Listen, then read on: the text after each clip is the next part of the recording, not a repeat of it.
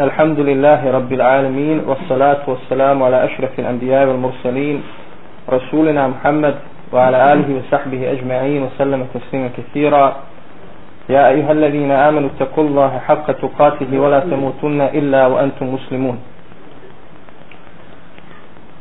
Na početku i na kraju neka je hvala svevišnjem Allahu gospodaru svjetova i neka je salavat Allahu blagoslov Boži mir na, na njegova miljenika naših poslanika Muhammeda sallallahu ta'ala alaihi wa sallam.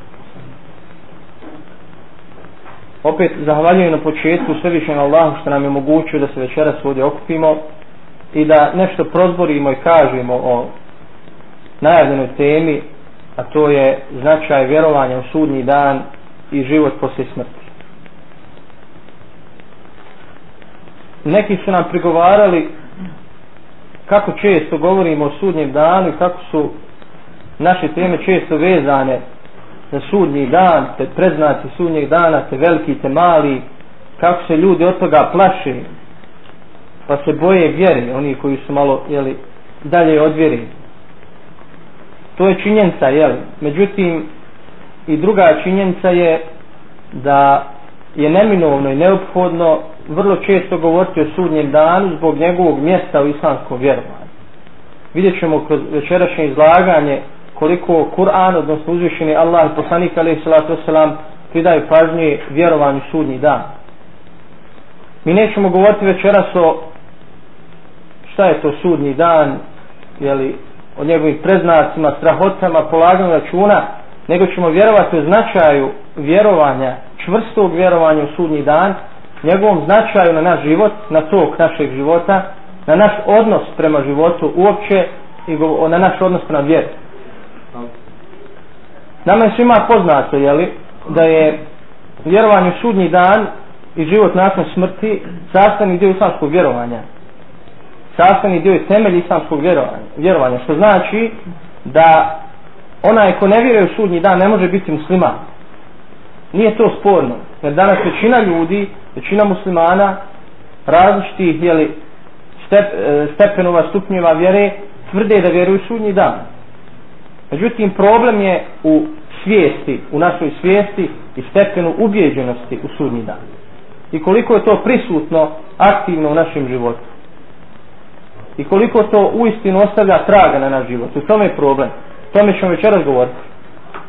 Inače, poznato je također da su svi poslanici, pored toga što su pozivali vjerovanju u, u jedinog jednog Boga, svi poslanici, i Isa i Musa i svi ostali, ali ih salatu selam, poznato je da su oni posebno naglašavali prirodu ovoga svijeta i posebno su naglašavali ahiret, da je on vječan, da je tamo vječnost, da je ovaj svijet samo za da posijemo, da bi zaradili onaj svijet, tako dalje. To su znači nepobitne istine vjere. To niko ne može pobiti. Svi poslanici tome pozivali. Znači osnova misije svakog poslanika, pored vjerovanja Allaha, bila je i pozivanje da se vjeruje u onaj svijet, da se čvrsto vjeruje u onaj svijet. Kada čitamo prevod Kur'ana, vidjet ćemo da su kur'anski ajeti na tu temu mnogobrojni. Isto tako,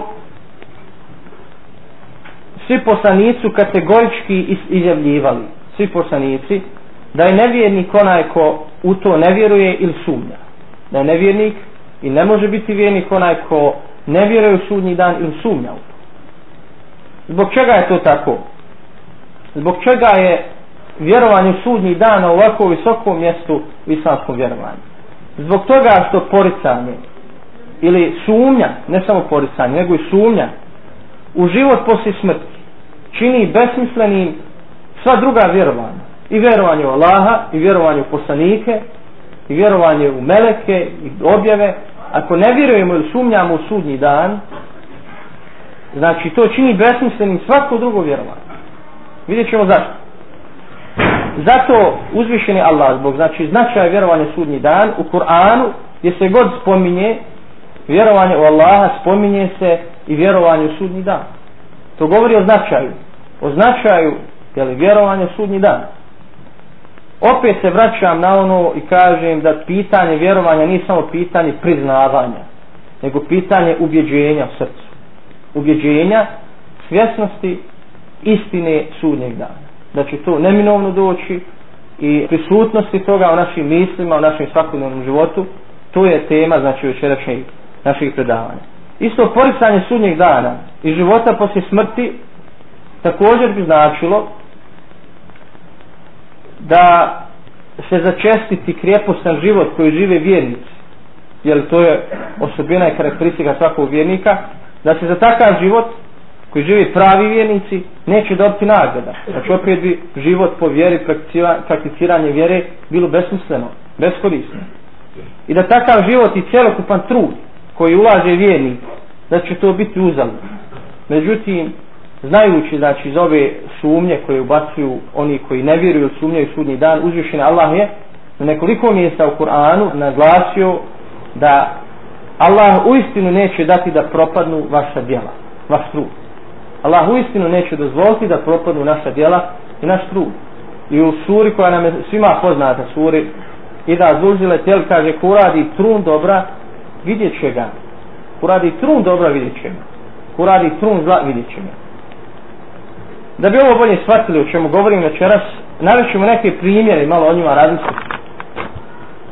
Recimo u našem svakodnevnom životu, malo prispitajmo ili svako sebe, svaki put kad se od nas nešto traži, bez obzira bilo to ovo ili ono, traži se da nešto učinimo, odmah se upitamo ili padne na pitanje na ovom, kakva je korist od toga? Kakva je korist od toga? I šta rizikujemo ako to ne učinimo? Šta rizikujemo ako to ne učinimo? To je priroda čovjeka. Tako je u pitanju vjeri, nije samo u ovo dunjaločnim stvarima. I u pitanju vjeri.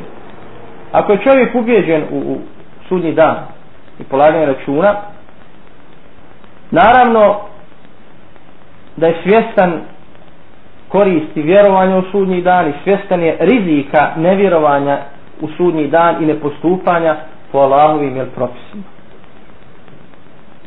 mi nikada, odnosno vi nikada ne, ne želite da gubite svoje vrijeme i energiju da biste učinili nešto beskorisno.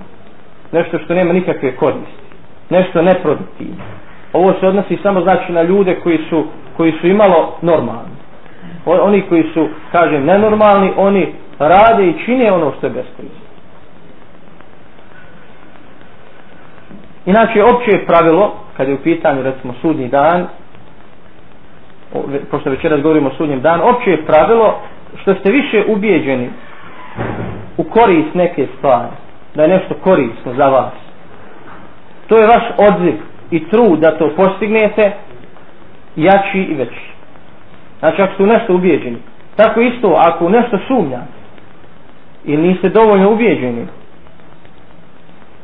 uspješnost toga ili korist toga to će vaše držanje biti neodlučnije. Vi ćete biti neodlučni, da li da to radite ili ne radite. Opet ovo povezujemo sa vjerovanjem sudnji dan. Pa ćemo navesti jedan konkretan primjer. Zašto dijete, recimo, hrabro dira preliš pored ili vrelu vodu ili stavlja ruku u vatru? Zašto? Zato što se dijete nije uvjerilo malo dijete da vatra prži, da je opasna po čovjeka, po njegov život. Kad se uvjeri, onda više zna da to ne smije dirati. Znači, ovdje dolazimo sada do srži teme, a to je pitanje uvjerenja ili ubjeđenja u sudnji dan. Znači, opet se vraćamo na ono, nije pitanje priznavanja i nije pitanje samo pukog izgovaranja, nego je pitanje ubjeđenja i uvjerenja u sudnji dan. E sad, kako se to uvjerenje postiže, i to ubjeđenje, taj jekin, o tome ćemo govoriti na kraju predavanja. Jer to jeste najbitnije kada je u pitanju i vjerovanje u Allaha i vjerovanje u sudnji dan. Pitanje ubjeđenja. Danas jeste problem kod ljudi, pitanje sumnje, govorimo kod, kod većine ljudi, kod muslimana, pitanje sumnje u, znači u istine vjeri. To jeste problem. Jer čovjek kada je ubijeđen, da ga, kao što smo sada spominjali, da ga u nečemu čeka korist, ili u nekom postupku, u nekom poslu, da mu je to korisno za dunjalu, on hita ka tome, ulaže trud, a kad je, znači, nesiguran, kada sumnja da je tu korist, onda će se kolebati, hoće li to učiniti ili neće. Isto drugi primjer, recimo zašto omladina, učenici i studenti često izbjegavaju nastavu, učenje, zato što nisu u potpunosti ubijeđeni i uvjereni i ne shvataju u potpunosti važnost i značaj znanja, da će im to nekada treba, kada malo, kada malo ostari u životu. To je opet se vraća znači, na pitanje ubjeđenja i uvjerenja. Sada razmislimo o čovjeku koji ne vjeruje ili sumnja u sudnji dan. Takav čovjek sigurno smatra da vjerovanje u Allaha Đelešanuhu ili Boga i život po njegovom zakonu, jeli, po vjeri, po principa vjere, ne predstavljaju ništa važno. Znači onaj ko ne vjeruje u sudnji dan, za njega bez obzira ako tvrdi da vjeruje u Allaha. Jer imate ljudi, pa se tvrde da vjeruju u Allaha i jezikom izjavljuju da vjeruju u sudnji dan, međutim njihova djela, njihov odnos prema vjeri govori sasvim drugačije. Znači kod njih je velika sumnja u sudnji dan, znači mnogo nejasnoća oko sudnjeg dana i njihovo e, znači vjerovanje u sudnji dan uopšte nije, uopšte nije potkrepljeno ubiđenje. Za njega recimo pokornost Allahu Đelešanuhu, privrženost vjeri, ispunjavanje Allahovih propisa, ne donosi nikakvu korist i prednost. Zbog čega? Samo zato što ne vjeruje u sudnji dan ili sumnja. Jer nema on motiva, nema on motiva da klanja pet puta dnevno, nema motiva da posti, nema motiva da daje zekat, nema motiva da izbjegava užitke, izazove koje mu Allah zabranio, koje mu je dao kao iskušenje, nema motiva. Jer šta najviše, evo prispitajte svoj odnos prema vjeri, šta najviše čovjeka motivira da bude dobar vjernik, da bude Allah pokoran, da izvršava Allahove naredbe, da se kloni onoga što Allah zabranio, motivira ga, znači strah, prije svega, strahu da Allahove kazne od posljedica i drugo motivira ga isto želja da postigne dobro onog svijeta. To su dva glavna osnovna motiva zašto ljudi vjeruju ili ne vjeruju. Isto tako čovjek koji sumnja ili ne vjeruje sudnji dan, za njega nepokornost Allahu ne predstavlja nikakvu štetu. On ne vidi u tome štetu. Kako je onda moguće, recimo, da takav čovjek, uvijek kada govorimo o ovakvim osobama, ja, mi možemo jel, osvrnuti se oko sebe i vidjeti ovaj, masu takvih ljudi koji poznajemo, s kojima razgovaramo, masu takvih ljudi koji imaju ovakav odnos prema vjerovanju Allaha i sudnjem danu i prema životu uopće. Znači kako onda da takav čovjek, kako je moguće da slijedi Božje naredbe i da slijedi put poslanika ali i svatost. I ovdje dolazimo, znači, ovdje dolazimo do odgovora zašto danas većina svijeta, uzet ćemo opet naš primjer, naše sredine i naše okoline, zašto većina svijeta, zašto je nemarna prema vjeri, zašto su ogrezli u griješenju, zašto im je svejedno e, što čine ono što je Allah zabranio i što ne čine ono što je naredio. Baš zbog toga što je njihovo vjerovanje i svijet u sudnji dan na niskom nivou ili je skoro, ili je skoro nema. Znači, ako čovjek nema tu potrebnog ubjeđenja u sudnji dan kao glavnog motiva, gdje će pored toga naći motive druge, jeli, i ohrabrenje da podnosi iskušenja, životna iskušenja koja mu jeli, e, donosi život i žrtve koje od njega traži vjera. Gdje će naći motiva? Gdje će čovjek naći motiva da ustane recimo ujutro na sabah kada je e, kada svi spavaju, kada većina svijeta spava da uzme abdest hladnom vodom jer nema tople recimo i da ode da klanja gdje će čovjek naći motiva da posti? Naravno sa iskrenom nabirom jer sva, sva djela koja čovjek koja vjernik radi radi s ciljem postizanja Allahovog zadovoljstva i milosti i čuvanja da Allahove kazne. A ne recimo nećemo govoriti o postu e, uh, licemira ili zekatu licemira čovjek da ne zekat da bi drugi, drugi ga vidjeli da bi ga pohvalili da bi ugledan u društvu da bi bio da bi negdje, negdje njegovo ime izišlo u novinama i tako dalje ili čovjeku koji posti da je pokazao svojim prijateljima ili komšijama kako i on posti kako je dobar musliman tako dalje. Ne govorimo o tome ne govorimo o iskrenim namjerima u djelima.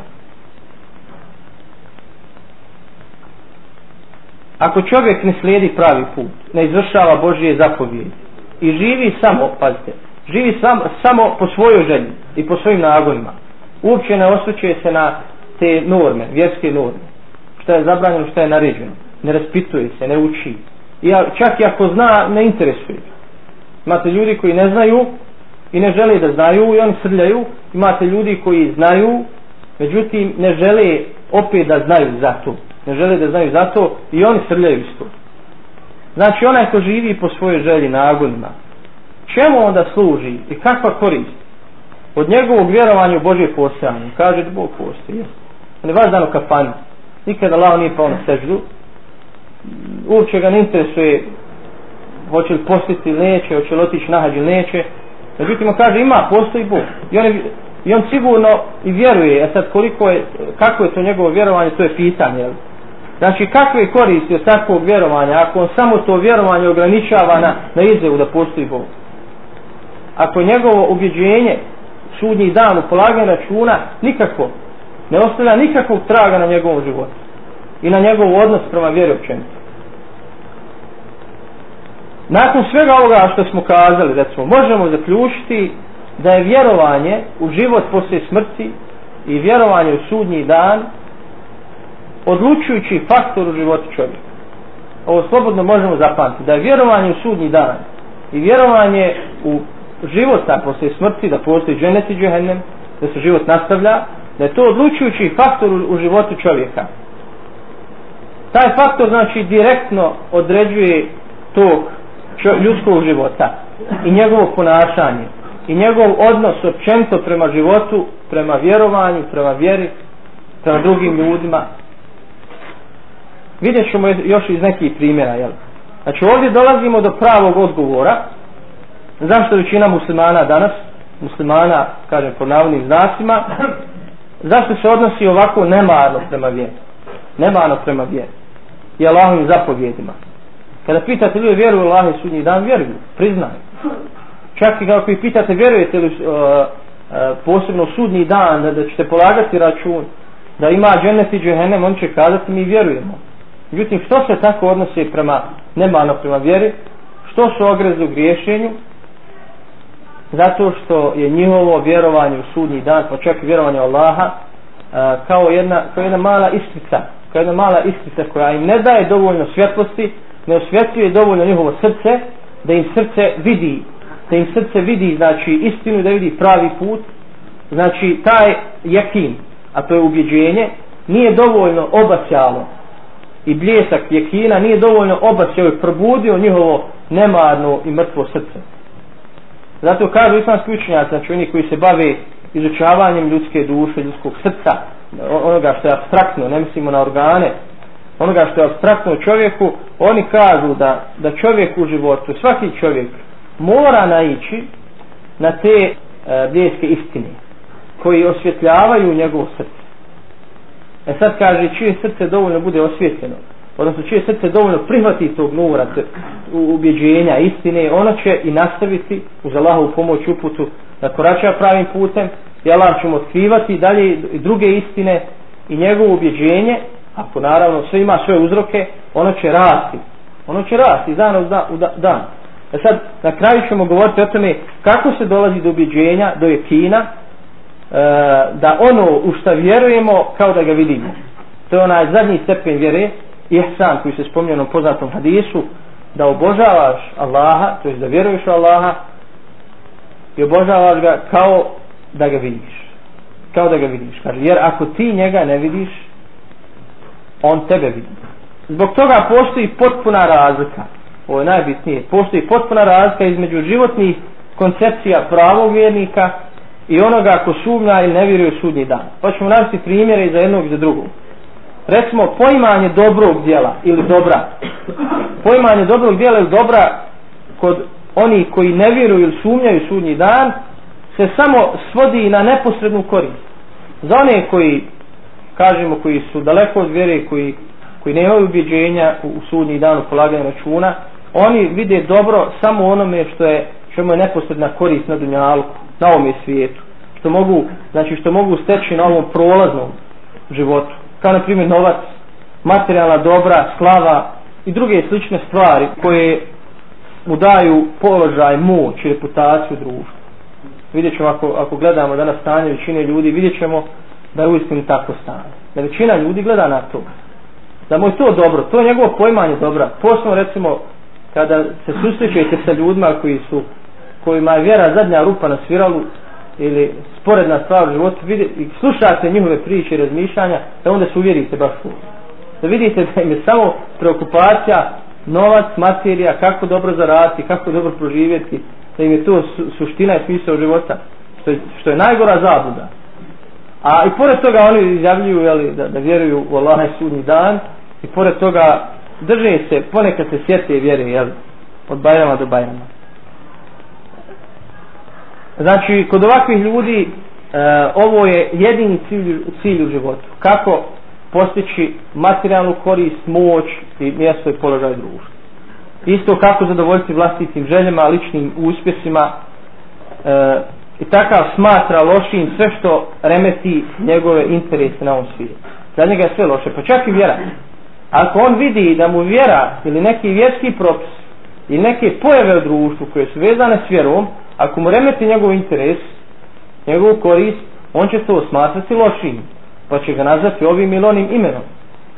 I naravno, kod takvih je i vlast u rukama, i moć, i mediji, i oni od, od te neistine, kada je sto puta ponove, o, to postoje istina kod običnog neukog svijeta. I znači, kod, kod takvih ljudi, recimo, e, za njih je zlo e, sve što remeti njihovu, njihovu imovinu, recimo gubitak i metka, života, loše zdravlje, okrnjen ugled i druge neugodnosti. Za njih je to zlo. Vidimo kakav je taj čovjek koji e, sumnja sudnji dan. Nasuprot ovome čovjeku, nasuprot njega, imamo vjernika čija koncepcija dobra je sasvim različita u odnosu na ovog prvog. Razlikuje se u potpunosti. Za njega je dobro, za vjernika je dobro sve što je što Allah voli. To je za njega dobro za, a za njega, a zlo je sve ono što izaziva Allahu srđbu i nezadovoljstvo. Pogledajte kako su, jeli, kako je kod vjernika, kako je vjerovanje i kako je poimanje dobra i zla. Sve što Allah voli i što je za Allaha dobro, to je za vjernika dobro. Sve što Allah ne voli i što je izaziva njegovu srđbu, to je zlo za vjernika. Po, po vjerniku, pravom vjerniku, dobro djelo će ostati dobro, uvijek će ostati dobro, pa čak ako mu ne donese nikakvu korist, ništa dobro na ovom svijetu. Čovjek čini neku dobro što mu vjera nalaže i ne donese mu nikakvu korist na ovom svijetu, on ga opet smatra dobrim, ne razočara se. Ili mu recimo čak e, prouzrokuje gubitak nekih, nekih ovo svjetskih korist. Recimo danas posebno ovim vremenima često čovjek zbog svoje privrženosti vjeri ili zbog prakticiranja određenih vjerskih propisa biva izložen iskušenjima e, biva mu ugrožen, znači, ugrožen njegovi lični dunjalučki interesi, e, izaziva, e, to mu izaziva gubitak i metka, položaja, ugleda i tako dalje. Međutim, oni pored toga vjeruju da je to dobro i da će naći nagradu na onom svijetu kod uzvišenog Allaha subhanahu wa ta'ala. Znači, on je čvrsto ubijeđen da će ga Allah za to nagraditi. Da će ga nagraditi na onom svijetu i da je to pravi uspjeh. Ovo mi jest suština razlike, znači ovih životnih koncepcija između ovog i onog. Vjernika i onoga koji sume ne vjeruje. Ovo, za vjernika je uspjeh na onome svijetu. Nije uspjeh, pa ste ovi uspjesi koje čovjek doživljava na ovome svijetu. Bilo da je metak, bilo da je ugled, titula, ovo, ono, sve to privremeno karaktera. I ako nije u korist njegove vjere, to može biti samo na njegov štetu. Samo na njegov štetu. Isto tako, vjernik neće posegnuti za onim što je Allah zabranio. Bez obzira koliko to e, doprinosilo njemu, jeli njegove koristi, koliko mu to donosilo, donosilo znači zadovoljstva na ovom dunjavu. Nikada vjernik neće posegnuti za tim. On je svjestan da ako to učini, pa makar izbjegao ovu dunjavsku kazu, nikoga nije vidio, nikoga nije prijavio, nije, ne podliježe recimo šerijaskom sudu i tako dalje, ne, nikoga nije vidio da bi ugrozio svoj obraz. I pored toga on je ubijeđen da, da je krajnji gubitnik. Jer Allah ne može izbjeći Allahu sud. Sve zapisano. To su znači ta ubjeđenja, vjerovanja koja su i tekako značajna. Jer ona baš ona baš uh, usmjeravaju naš život. Ona utiču na tok našeg života. Zato znači vjera nije forma pazite pogrešno je što se evo i kod nas ovdje često vjera predstavlja samo kao forma neka. Kao vjera, kao tradicija i običaj. treba čuvati tradiciju i običaj, međutim, treba ljudima isticati suštinu vjere. Šta je suština vjere? Suština vjere jeste e, to ubjeđenje, u ovo o čemu govorimo, ubjeđenje, da nas Allah prati, da moramo, mora biti pokorni, da ćemo polagati račun za naša djela i da postoji, poslije smrti, postoji, znači, vječni život. Također, on se pridržava islamskog morala, bez obzira imao štetu od toga ili korist. Opet kažemo, ako živi u društvu koje je neislamsko. Često od islamskog morala, ako, se živi, ako živimo u društvu koje nije islamsko, često imamo štetu po nas, ovu vidljivu, jel, dunjaličku, međutim imamo na onom svijetu korist.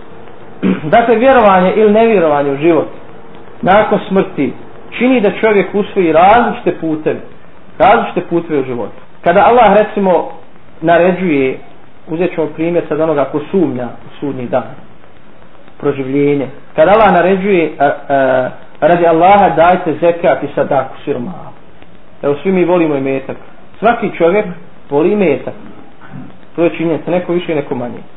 Kada Allah naređuje da se daje zeka, da se daje sadaka, odgovor ovih ljudi koji ne razmišljaju o dijelima svojim, o džennetu, o džehennemu, sumnjaju sudnji dan, će biti, neću dati, osiromašiću. Bolje je da taj metak stavim na bank, pa da, da zaradim od kamate. On tako razmišljaju. Isto tako, Islam naređuje, recimo, da se govori istina. Pa kaže, uvijek istinu govorite, pa makar znači lažući dobijali a govoreći istinu gubili znači ako govorimo istinu i gubimo to nam donosi štetu. A ako lažemo to nam donosi korist. I u tom slučaju opet moramo govoriti. Evo pitanje laži i laganja je stvarno zanimljivo pitanje ovim, ovim vremenima kada je laž prevara toliko raširena da je to uistinu jeli, uistinu zanimljivo. Koliko je laž raširena u našem društvu. Mala djeca se uče mala se djeca uče od malih nogu da lažu.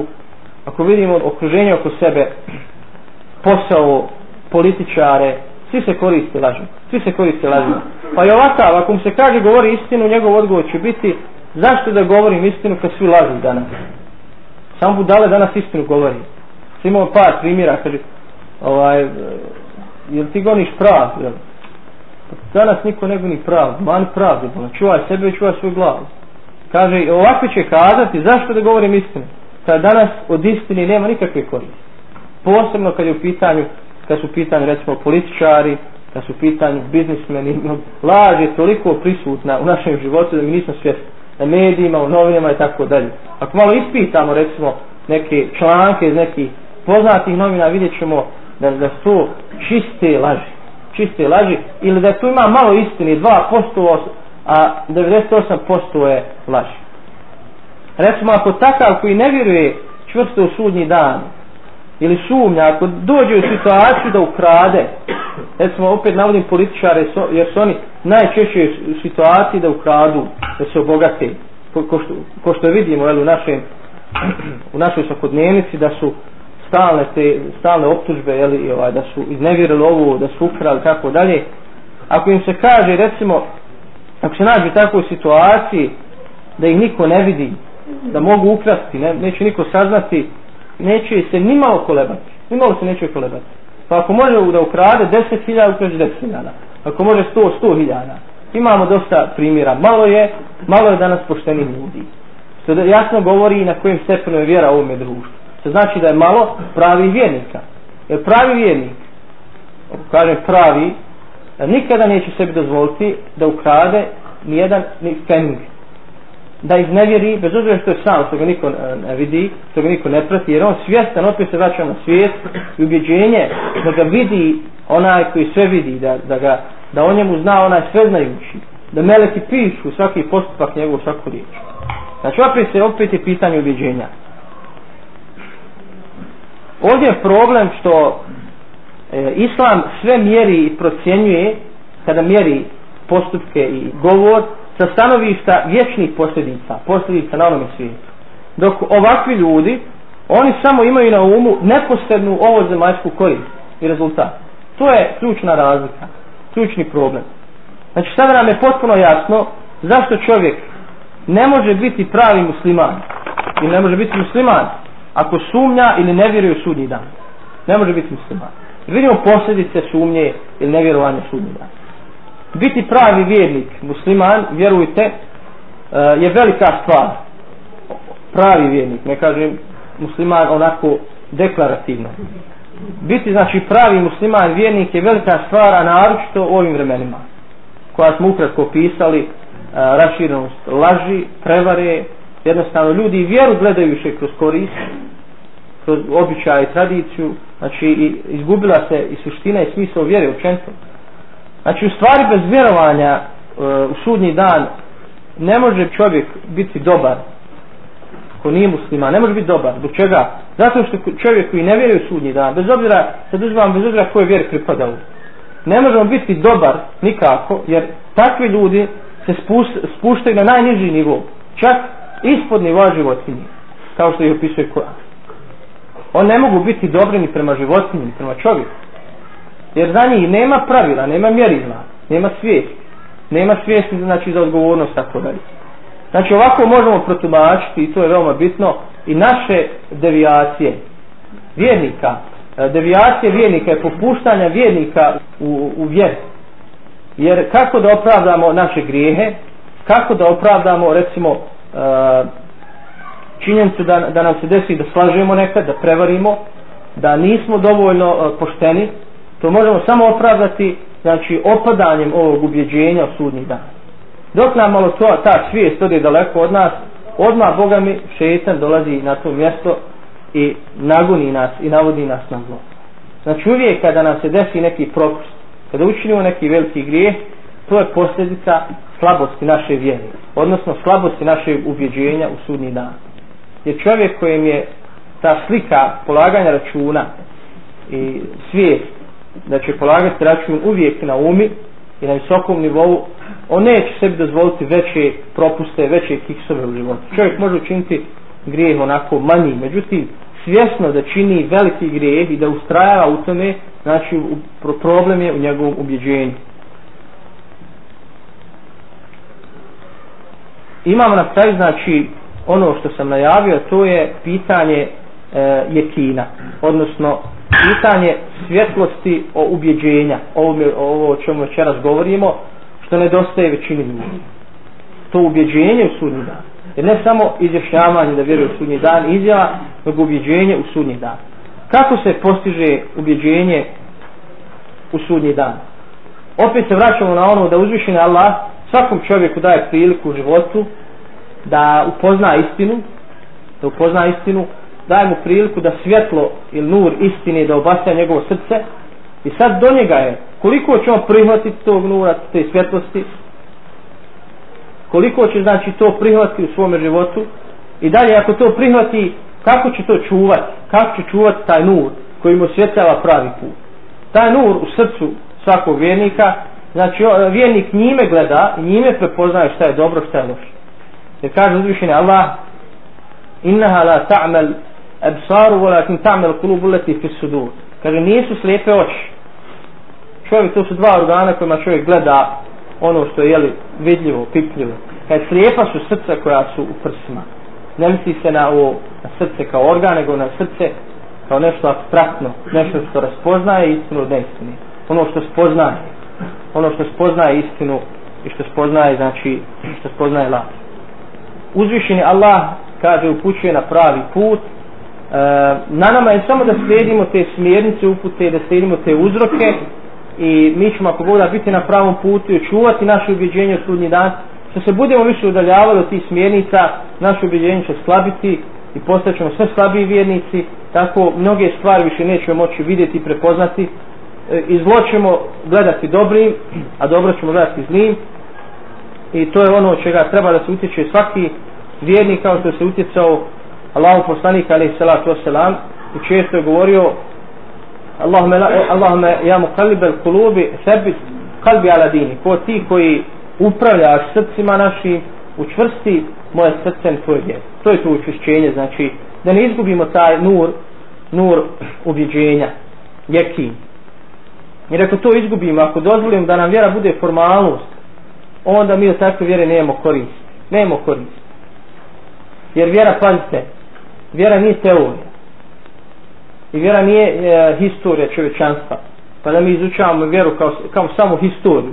Da govorimo o poslanicima e, o njihovim, njihovim narodima šta su doživljavali da izučavamo njihove jeli, njihova naselja kojima stanovali tako dalje. Da govorimo e, o tome šta su koji učenjaci govorili i tako dalje nego suština izučavanja vjere jeste da da spoznamo istinu da je prakticiramo u svome životu.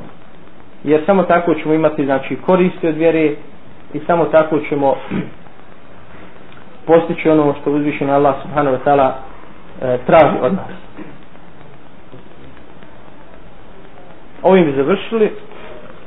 Molim uzvišenog Allah subhanahu wa ta'ala da nas učusti na putu vjere da nam e, podari jekin ubjeđenje u sudnji dan u život poslije smrti i da nas učusti na pravom putu i da ukončamo svoj život a da on bude zadovoljan sa nama قول قولي هذا واستغفر الله لي ولكم فاستغفروه إنه هو الغفور الرحيم